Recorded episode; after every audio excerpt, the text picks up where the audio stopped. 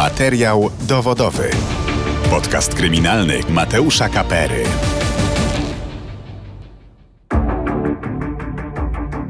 Dzień dobry, zapraszam na kolejny odcinek podcastu kryminalnego, a w nim bulwersująca historia morderstwa 9-letniego Januszka i 11-letniej Moniki ze wsi Jeńki na Podlasiu.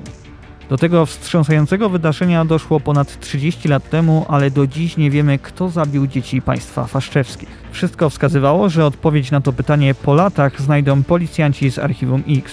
23 października 2018 roku, w rocznicę tragicznej śmierci Moniki Januszka, śledczy zatrzymali dwóch mężczyzn, Dariusza i Jerzego K. Dwa lata później prokurator Rafał Kaczyński przekazał akta sprawy podwójnego morderstwa do sądu rodzinnego. W nich wskazał, że to Dariusz K. zabił rodzeństwo. Dlaczego zatem sprawa trafiła do sądu opiekuńczego, a nie karnego?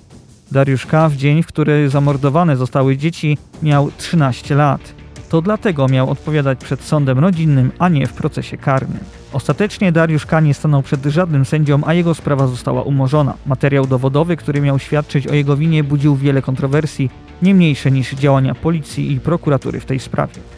Dlaczego morderca dwójki dzieci wciąż jest na wolności i dlaczego prokuratura oraz policja uważają, że sprawa jest, cytuję, załatwiona, dowiecie się już za chwilę z reportażu o tajemniczym morderstwie rodzeństwa z Jeniek. Tradycyjnie przypominam, że wszystkie odcinki podcastu dostępne są na kanale Radia Z w serwisie YouTube i na player radioz.pl, a także na platformach streamingowych Spotify, Apple Podcast i Google Podcast. Oceniajcie, komentujcie i zgłaszajcie nam sprawy, o których chcielibyście usłyszeć w kolejnych odcinkach. A teraz zapraszam na reportaż. Materiał dowodowy. Podcast kryminalny Mateusza Kapery. Październik 1989 roku. Ciepłe, bezwieczne popołudnie. Trwa złota polska jesień. W lesie na skraju wsi Jeńki, na Podlasiu, pracują policjanci z grupy dochodzeniowo-śledczej. Funkcjonariusze badają teren okalający niewielkie wzniesienie. Ma ono około 40 cm wysokości i nieregularny kształt. Ktoś usypał je ze ściółki leśnej pomieszanej z idliwiem, liśćmi i gałązkami. Ziemia jest wilgotna. Spod niej wystają dwie małe stopy. Tuż obok nich ciągnie się naprężony biały sznur, lekko zabrudzony. Przywiązany jest węzłem do drzewka. Kilka centymetrów wyżej od stóp wyłania się dziecięca dłoń. Śledczy w tym momencie muszą przerwać pracę. Zapada zmrok. Wrócą tu jutro z kamerą, aby sfilmować miejsce znalezienia zwłok. Nazajutrz śledczy pod usypaną ściółką leśną ujawniają dwa ciała. Zwłoki ułożone są równolegle do siebie. Funkcjonariusze nie mają wątpliwości. Odnaleźli ciała poszukiwanych dzieci, jedenastoletniej Moniki i dziewięcioletniego Januszka Faszczewskich, zaledwie 200 metrów od ich domu. Dziewczynka na szyi ma zaciśniętą pętlę ze sznurka przywiązanego do drzewa. Ubrana jest w czerwony sweterek i niebieską plisowaną spódniczkę. Nie ma na sobie majtek. Później śledczy znajdą je zwinięte i odwrócone na drugą stronę w żółtym kaloszu. Tuż obok zwłok.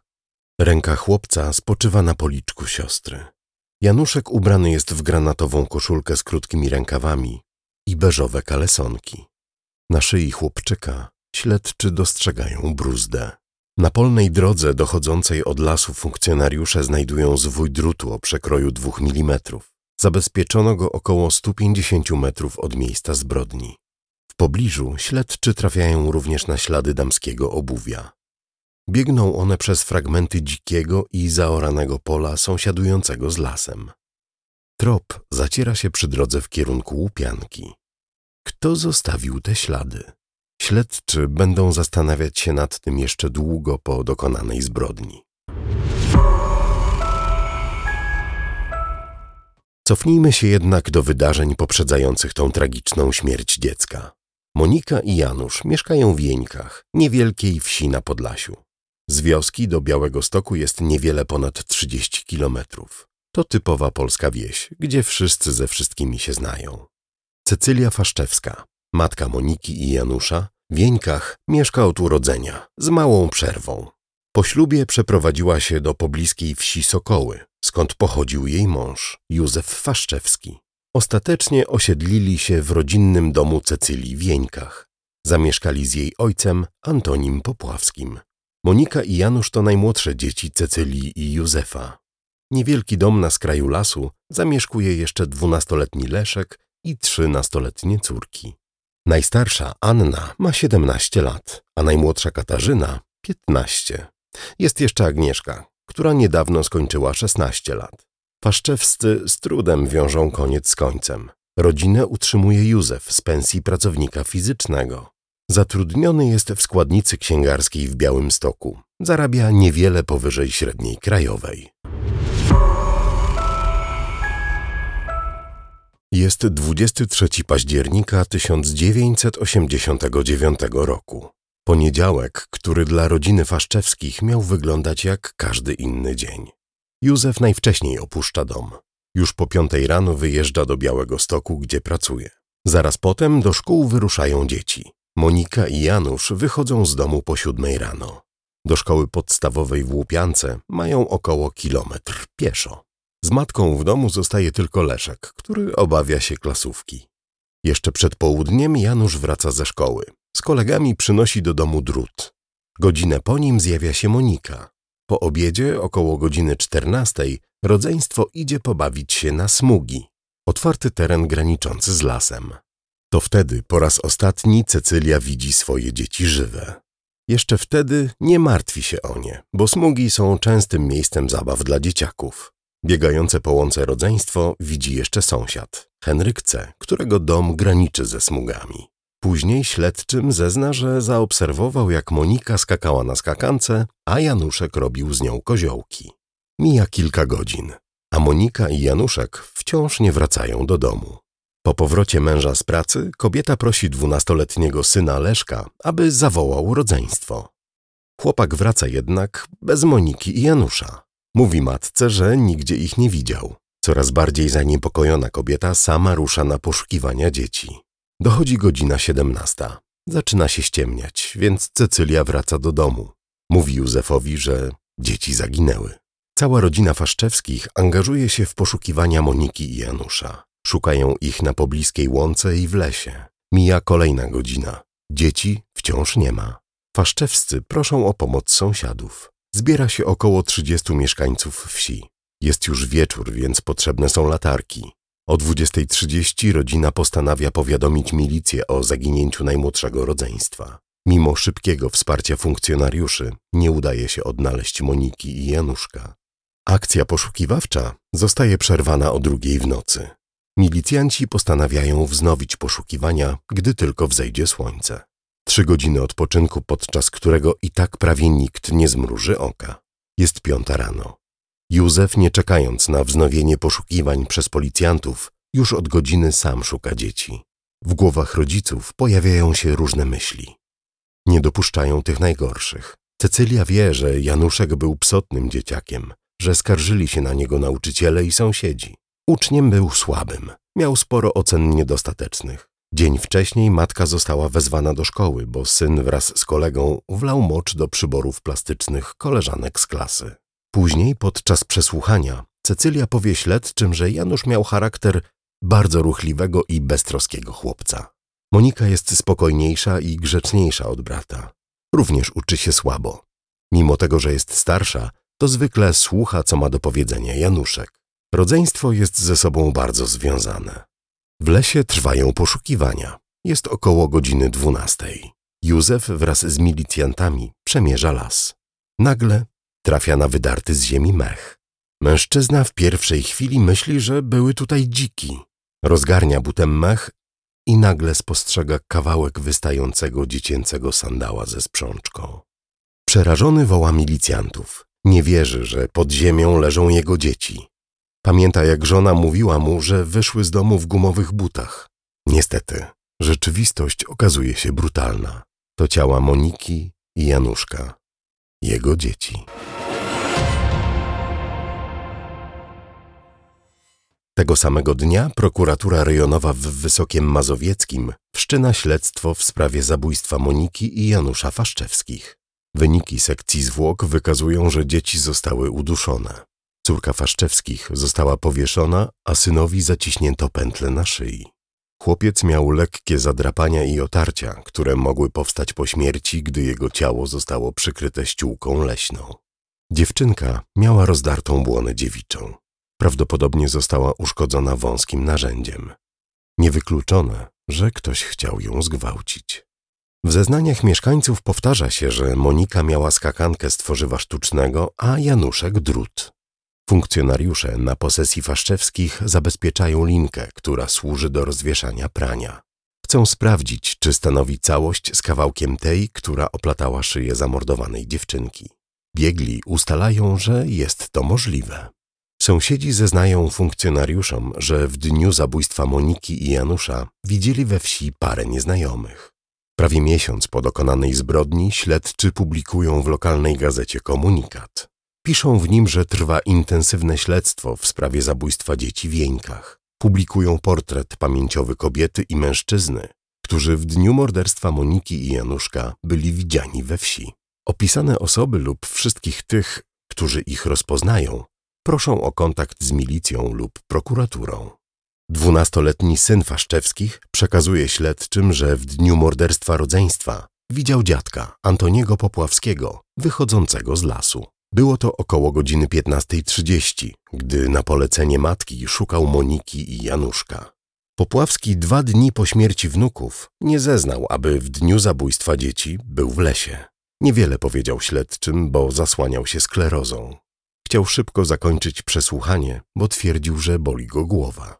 Śledczy ponownie przesłuchują dziadka Moniki i Januszka. Mężczyzna broni się, że nie był w lesie, tylko na pastwisku sąsiada. Za chwilę przypomina sobie, że jednak był tam, ale około 12 lub 13 godziny, czyli przed tym, jak dzieci wyszły z domu. Mówi też, że będąc drugi raz w lesie, spotkał Leszka szukającego rodzeństwa, ale za chwilę prostuje, że było to jednak na łące przy zagajniku. Prokurator zleca zbadanie śladów, które zabezpieczono na jednym z butów przy zwłokach dzieci. Chce wiedzieć, czy zostawiło je małżeństwo Faszczewskich lub dziadek Moniki i Januszka. Okazuje się, że jeden ze śladów na pewno nie pochodzi od rodziców ani dziadka rodzeństwa. Drugiego nie udaje się zbadać. Nie ma też pewności, czy materiał biologiczny nie pochodzi od samych dzieci.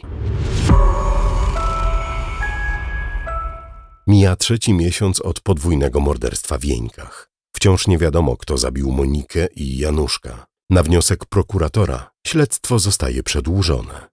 Śledczy chcą przeprowadzić pełną rekonstrukcję wydarzeń z 23 października i przesłuchać ponownie całą rodzinę Faszczewskich. We wsi pojawiają się plotki. Mówi się, że zabójstwo dzieci mogła zaplanować ich matka. Do Antoniego Popławskiego przychodzi anonim. Nadawca chce, aby dziadek Moniki i Januszka przyznał się do ich zabicia. Mężczyzna podejrzewa, że za listem stoi jego córka, Cecylia. Prokurator decyduje się przeprowadzić konfrontację, aby wyjaśnić sprzeczne zeznania Antoniego Popławskiego i jego wnuka Leszka. Chłopiec utrzymuje, że w dniu morderstwa jego rodzeństwa widział dziadka wychodzącego z lasu, z czym Popławski stanowczo się nie zgadza. Śledczy dopytują Leszka, czy jego matka kazała mu tak zeznawać, ale on zapewnia, że nie. Aby wyjaśnić te rozbieżności, śledczy postanawiają przeprowadzić wizję lokalną. Uczestniczą w niej Cecylia Faszczewska i jej syn Leszek oraz Antoni Popławski. Kobieta wskazuje, że jej ojciec o godzinie 15 wyszedł z domu po drewno, do lasu. Pół godziny później poprosiła Leszka o to, aby poszukał Moniki i Januszka. Syn Cecylii pokazuje śledczym, w którym miejscu widział dziadka wychodzącego z lasu. Zgodnie z relacją dwunastolatka, Popławski był 80 metrów od miejsca znalezienia zwłok dzieci. Później w raporcie z wizji prokurator napisze, że widoczność z miejsca, z którego Leszek zobaczył dziadka, była bardzo słaba, a z samym chłopcem kontakt był utrudniony.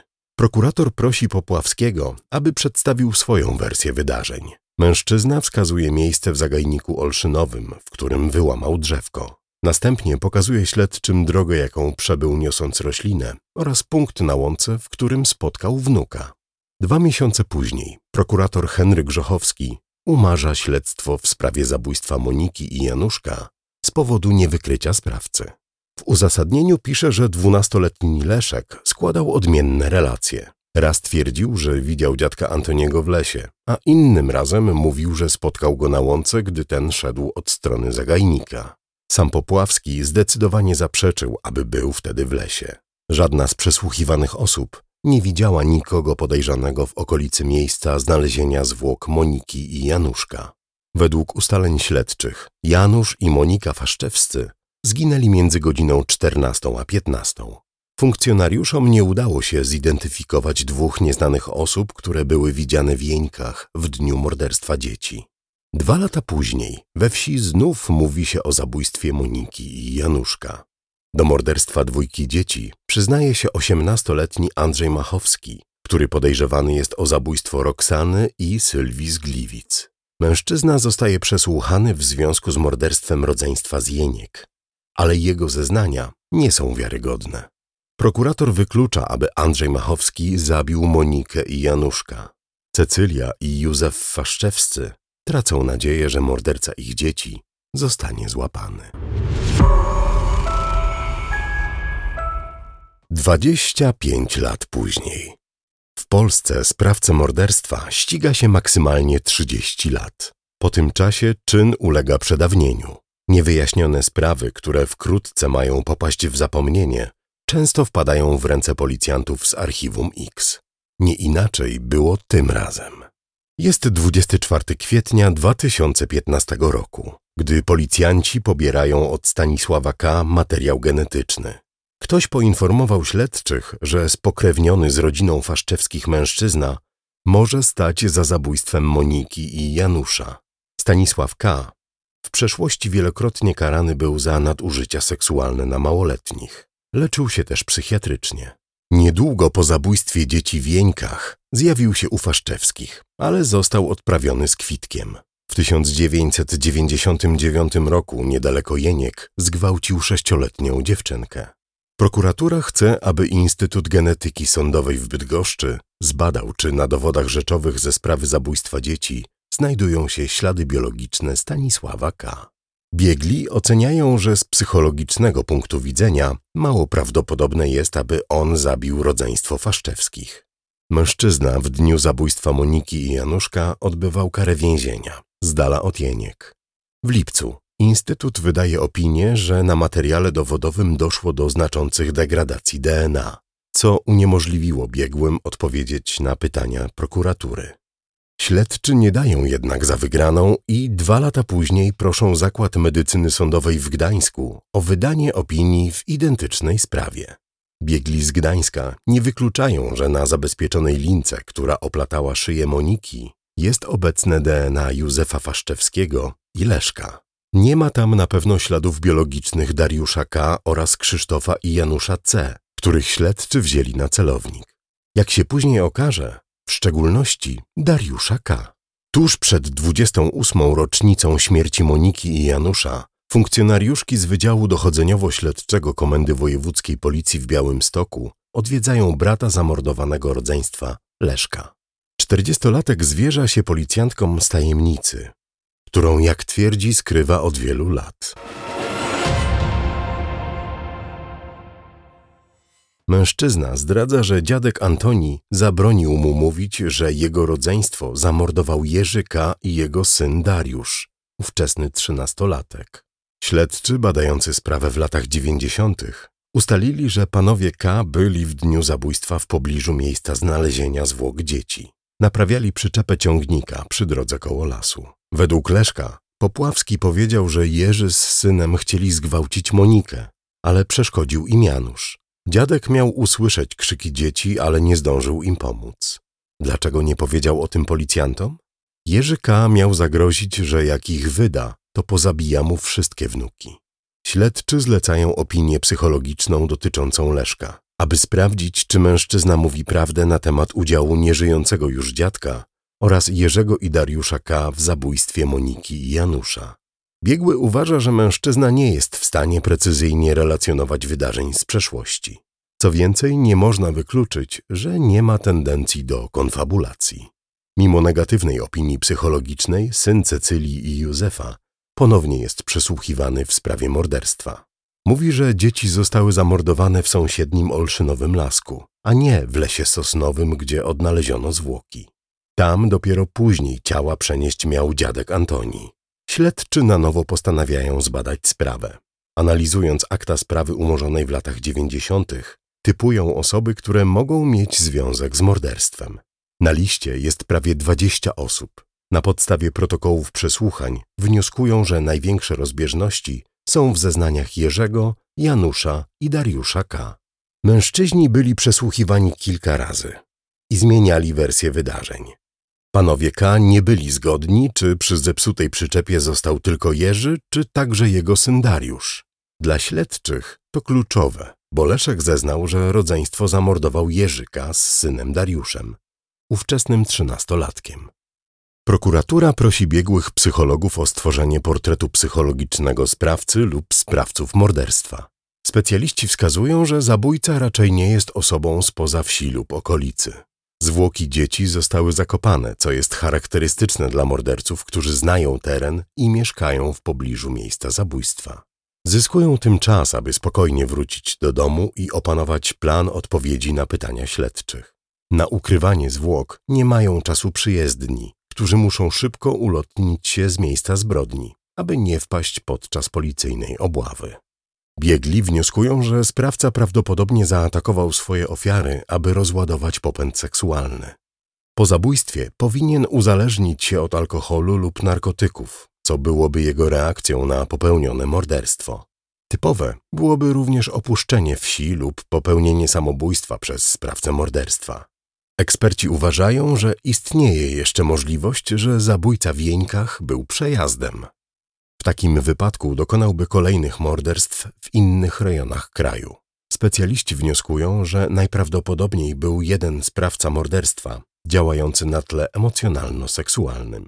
Nie potrafią jednak określić konkretnego wieku zabójcy. Pod koniec października śledczy organizują eksperyment społeczny. Chcą, aby wezwani świadkowie zawiązali węzeł na patyku. Liczą na to, że ktoś zawiąże go w identyczny sposób co morderca dzieci w lesie. Ku zaskoczeniu śledczych okazuje się, że węzeł sporządzony przez Cecylię Faszczewską jest tożsamy z tym, który ujawniono na miejscu zbrodni. W sierpniu 2018 roku prokuratura prosi o zbadanie Leszka przez biegłego psychologa. Śledczy chcą być pewni, że przełomowe zeznania mężczyzny są wiarygodne, a nie wymyślone lub złożone pod naciskiem innych osób. Biegły stwierdza, że wypowiedzi syna Cecylii i Józefa na temat wydarzeń związanych z zabójstwem rodzeństwa są realistyczne i zgodne z tym, co przeżył i doświadczył. Ta opinia różni się znacząco od wcześniejszej, w której biegły stwierdził, że Leszek łatwo ulega sugestiom i może konfabulować. Funkcjonariusze z podlaskiego Archiwum X chcą ponownie przesłuchać Leszka, ale ten odmawia. Będzie mówił tylko w obecności psychologa, który z nim ostatnio rozmawiał. Po jego przyjeździe opowiada śledczym, że widział, jak dziadek Antoni Popławski i Janusz C. przenosili ciała Moniki i Januszka w dniu morderstwa. Mówi też, że kilka godzin po pogrzebie dzieci do dziadka przyjechał Jerzy K., który chciał się upewnić, że Popławski nie powie nikomu, co stało się w lesie. 4 października śledztwo w sprawie Moniki i Januszka przejmuje prokuratura okręgowa w Łomży. Kilka dni później prokurator okręgowy Piotr Bukowski przedłuża śledztwo do 23 lutego 2019 roku. Zbierać materiał dowodowy będzie jednak Wydział Dochodzeniowo-Śledczy w Białymstoku. 23 października 2018 roku. Szósta rano. Na rok przed przedawnieniem się sprawy morderstwa Moniki i Januszka, policjanci z Komendy Wojewódzkiej Policji w Białymstoku wchodzą do domu rodziny K. Jerzy zostaje zakuty w kajdanki i doprowadzony do prokuratury w Łomży pod zarzutem zabójstwa dzieci z Jeniek. To, co nie udało się śledczym na przełomie lat dziewięćdziesiątych, teraz staje się faktem. Moment zatrzymania wspomina żona Jerzego i matka Dariusza. Elżbieta K. Poszli już mężczyźni krowy doić, bo to rano trzeba było na, na szóstą mleko. Ja jeszcze leżałam. Jak wpadli na górę tam, ja oczy wyleczam się, nie, nie wiem co się dzieje. A oni krzyczą, policja, policja, ubiera się pani. Ja wszystko, że może coś córce się stało. On mówi, oni mówią, nie, nie. Nawet nie dali mnie wyjść na podwórko, jak ich wzięli męża, to tak męża skuli. Do prokuratury przewieziony zostaje także Dariusz K., syn Jerzego. Występuje w roli świadka. Mężczyźni zostają przesłuchani oraz przebadani wariografem. Wieczorem policjanci zawożą jeszcze Dariusza na miejsce odnalezienia zwłok dzieci.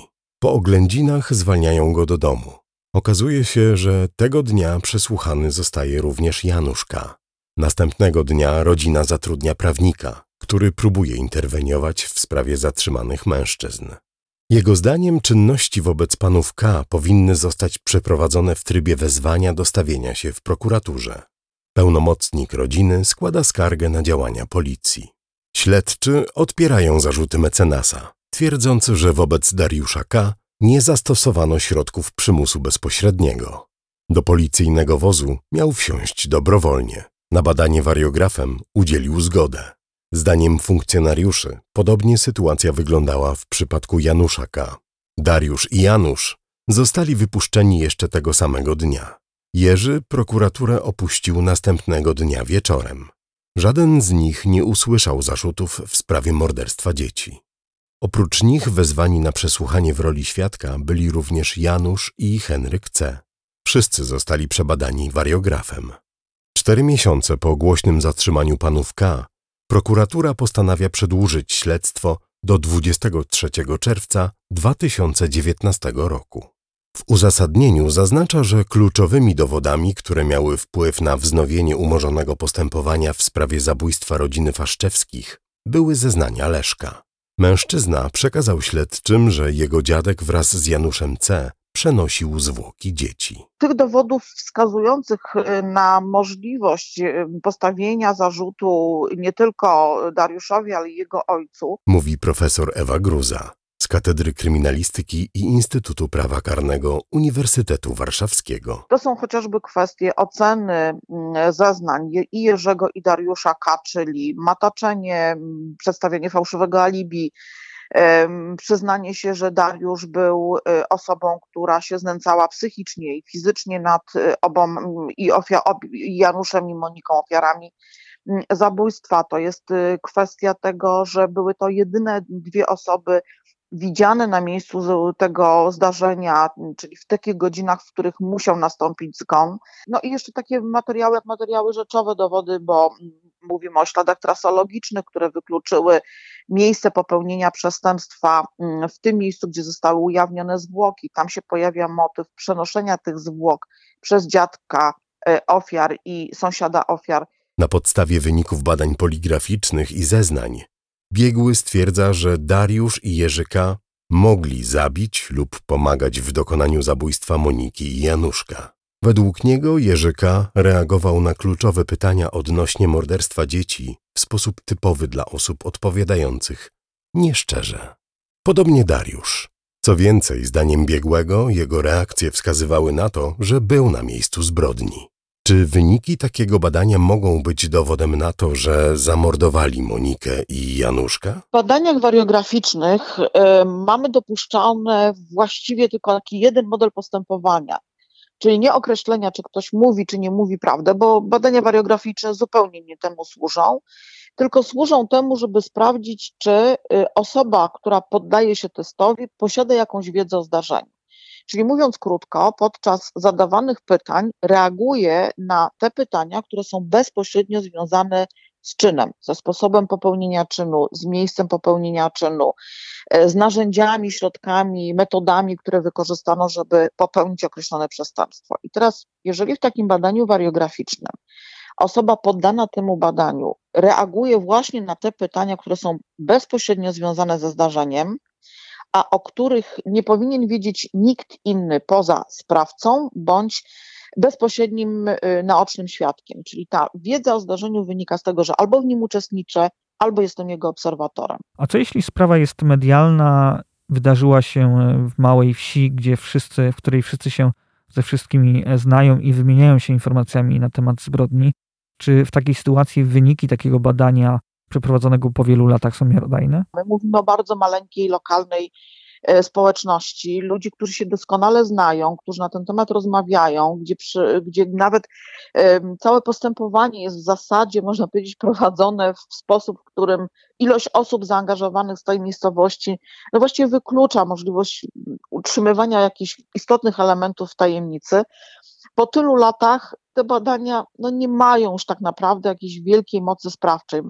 Możemy mówić o jakichś elementach, które można byłoby zbadać, powiązać ten związek pomiędzy osobą a, a ze sprawą, ale ja bym wielkiej wagi wynikom takich badań wariograficznych po, prowadzonych po tylu latach e, raczej nie przywiązywała. Według psychologów śledczych Dariusz mógł także próbować zgwałcić najmłodszą córkę Faszczewskich. Śledczy zwracają się do pełnomocnika rodziny K z pytaniem, czy Jerzy i Dariusz zgadzają się na przeprowadzenie badań przez biegłego seksuologa?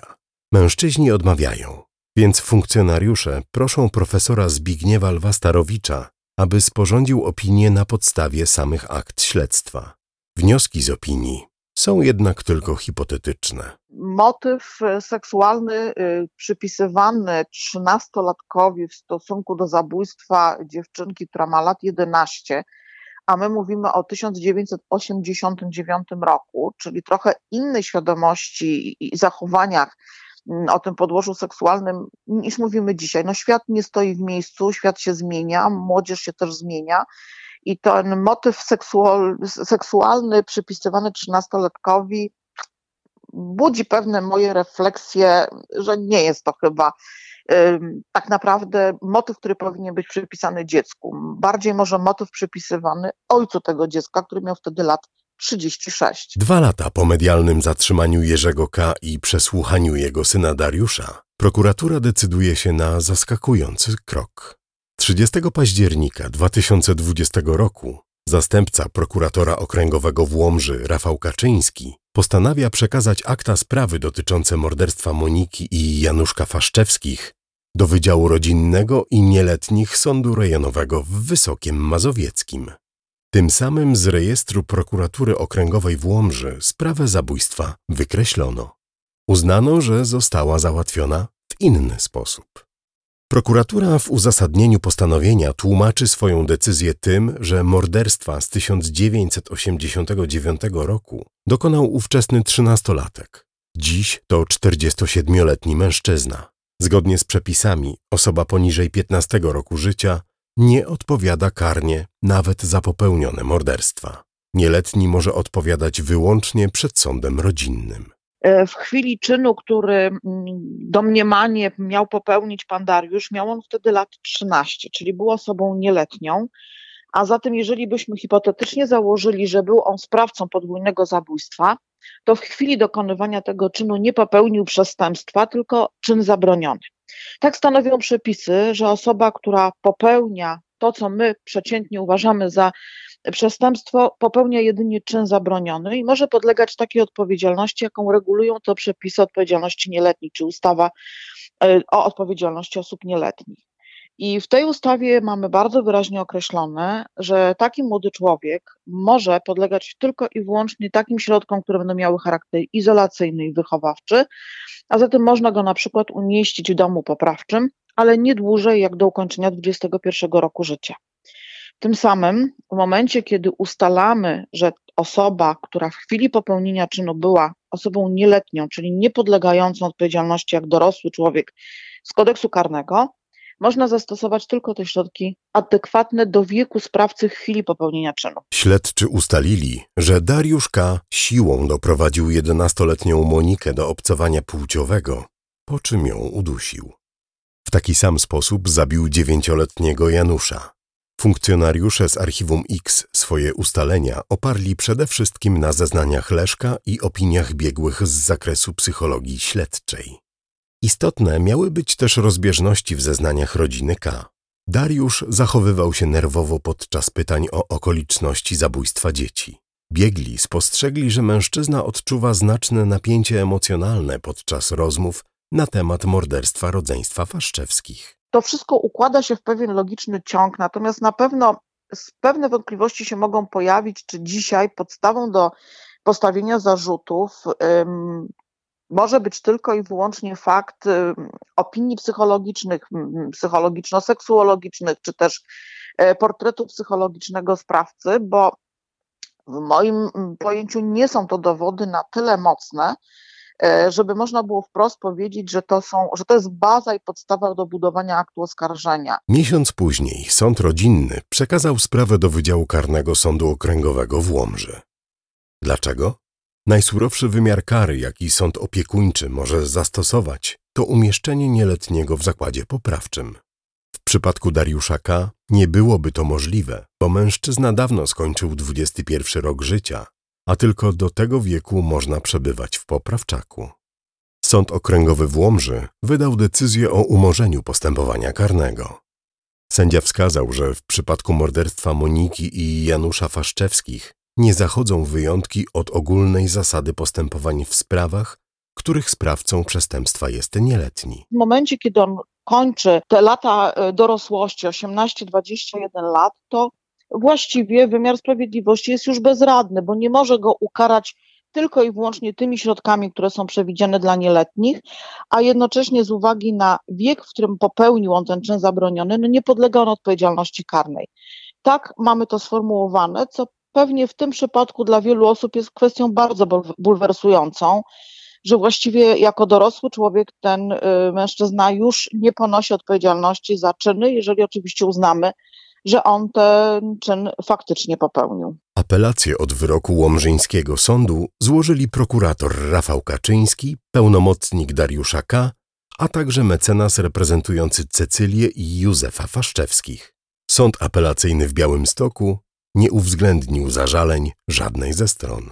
Obrońca Dariusza K., mecenas Michał Wąż, już w pierwszym zażaleniu na postanowienie sądu rodzinnego z grudnia 2020 roku wskazywał, że opieranie twierdzeń i przekonań na wnioskach z opinii poligraficznych wykonanych po 30 latach od zdarzenia godzi w fundamentalne zasady opisane w kodeksie postępowania karnego.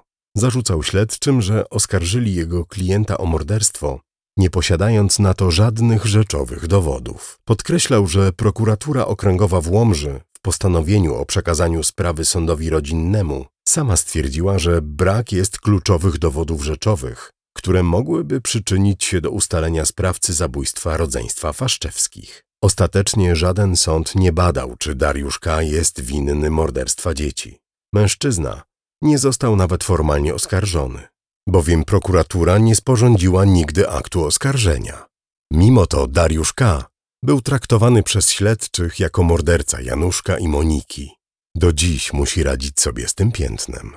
47 lat ma, on nie pije, nie pali, nie pije. On od małego się czepiał do ciągnika i tylko chciał być gospodarzem. Krowy chować i, i, i tego. I, I cały czas gospodarzyć. On nie, tam nie, nie poszedł gdzieś tam coś bić i, i tego, albo pić. Tylko cały czas był w domu. I takiego trzeba wziąć, bo, bo taki, może trochę on za mało mówny taki. Mówi matka Dariusza K., Elżbieta. Bardzo tajemniczą i niezrozumiałą kwestią jest brak zarzutów i oskarżenia o morderstwo dzieci Jerzego K., ojca Dariusza. Mężczyzna w dniu morderstwa Moniki i Januszka był trzydziestokilkulatkiem. To oznacza, że w przeciwieństwie do nieletniego wówczas Dariusza K., mógłby zostać osądzony przez sąd w procesie karnym. Z badania na wariografię wyszło, że znał okoliczności śmierci dzieci faszczewskich. Miał też wystarczająco siły, aby poradzić sobie ze stawiającym opór i broniącym Moniki Januszkiem. Dlaczego śledczy nie zdecydowali się postawić Jerzego K. przed sądem? Być może spodziewali się, że sąd oceni materiał dowodowy jako niewystarczający, aby skazać mężczyznę. To oznaczałoby porażkę policji i prokuratury. Natomiast umorzenie tej sprawy ze względów statystycznych dla policji jest sukcesem.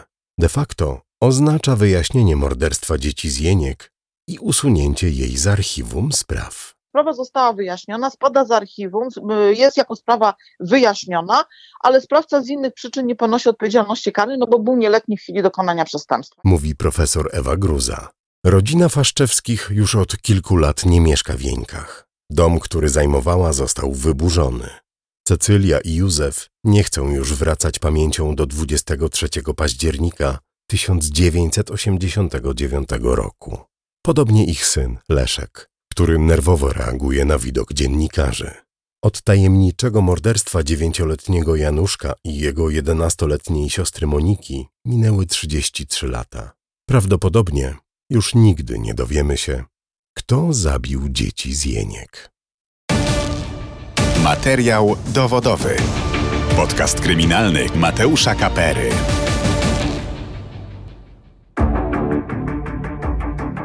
Z repetytorium prokuratury okręgowej w Łomży sprawa morderstwa dzieci z Jeniek została wykreślona.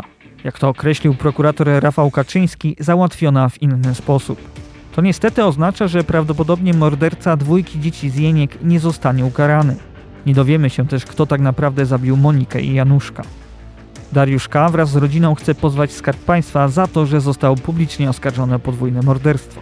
Jednak jego pełnomocnik do dziś nie złożył dokumentów do sądu. Co więcej, wycofał się z reprezentowania mężczyzny. Rodzina K. zapewnia jednak, że nie odpuści sprawy i z pomocą innego prawnika złoży pozew. To był podcast kryminalny Radia Z Materiał Dowodowy. Zapraszam do komentowania i oceniania odcinków podcastu oraz do kontaktu z naszą redakcją. Cały czas jesteśmy do Waszej dyspozycji. A ja się nazywam Mateusz Kapera, dziękuję za uwagę i do usłyszenia za dwa tygodnie. Materiał dowodowy. Wszystkie odcinki naszego podcastu kryminalnego znajdziesz na player radioz.pl i na najważniejszych platformach streamingowych.